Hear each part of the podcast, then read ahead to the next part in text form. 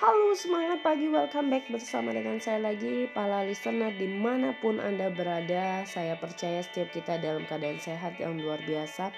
Dan teman-teman uh, apa sih yang akan kita bahas di pagi hari ini? Saya yakin setiap teman-teman bisa mendapatkan insight yang positif yang luar biasa ya. Dan hari ini topik yang akan saya bahas adalah Belajar uh, memaafkan walaupun itu tidak mudah jadi namanya forgiveness ya forgiveness forgive. Teman-teman kadang mungkin secara teori rasanya gampang banget kita bilang e, ampuni aja maafkan lah mungkin orang nggak sadar dan segala macam. Tapi teman-teman kadang tidak bukan hal yang mudah ya di saat kita menyadari bagaimana perasaan kita diri kita disakiti segala macam. Pasti kita akan merasakan hal itu. Nah yang mau saya katakan di sini adalah teman-teman uh, kadang sebenarnya ya kenapa orang bisa stress out segala macam ya? Kadang pengaruh juga dari tekanan dan juga dari diri kita sendiri. Kenapa?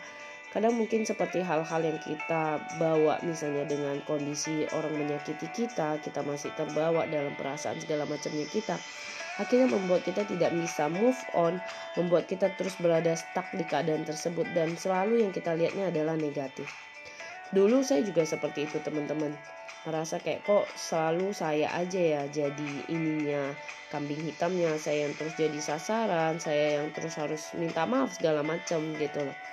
Nah tapi di saat saya belajar uh, kalau saya bisa menikmati semua itu saya bisa menerima keadaan itu saya bisa melepaskan itu semua hidup ini rasanya beda banget ya.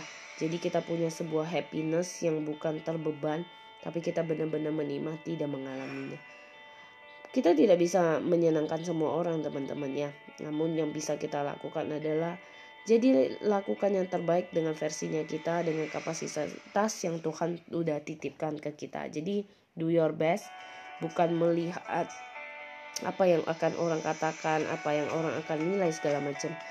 Dan belajarlah untuk memaafkan walaupun tidak mudah itu yang kita juga diajarkan ya walaupun tidak mudah makanya prakteknya itu loh yang perlu effort banget kalau orang bilang penuh usaha banget.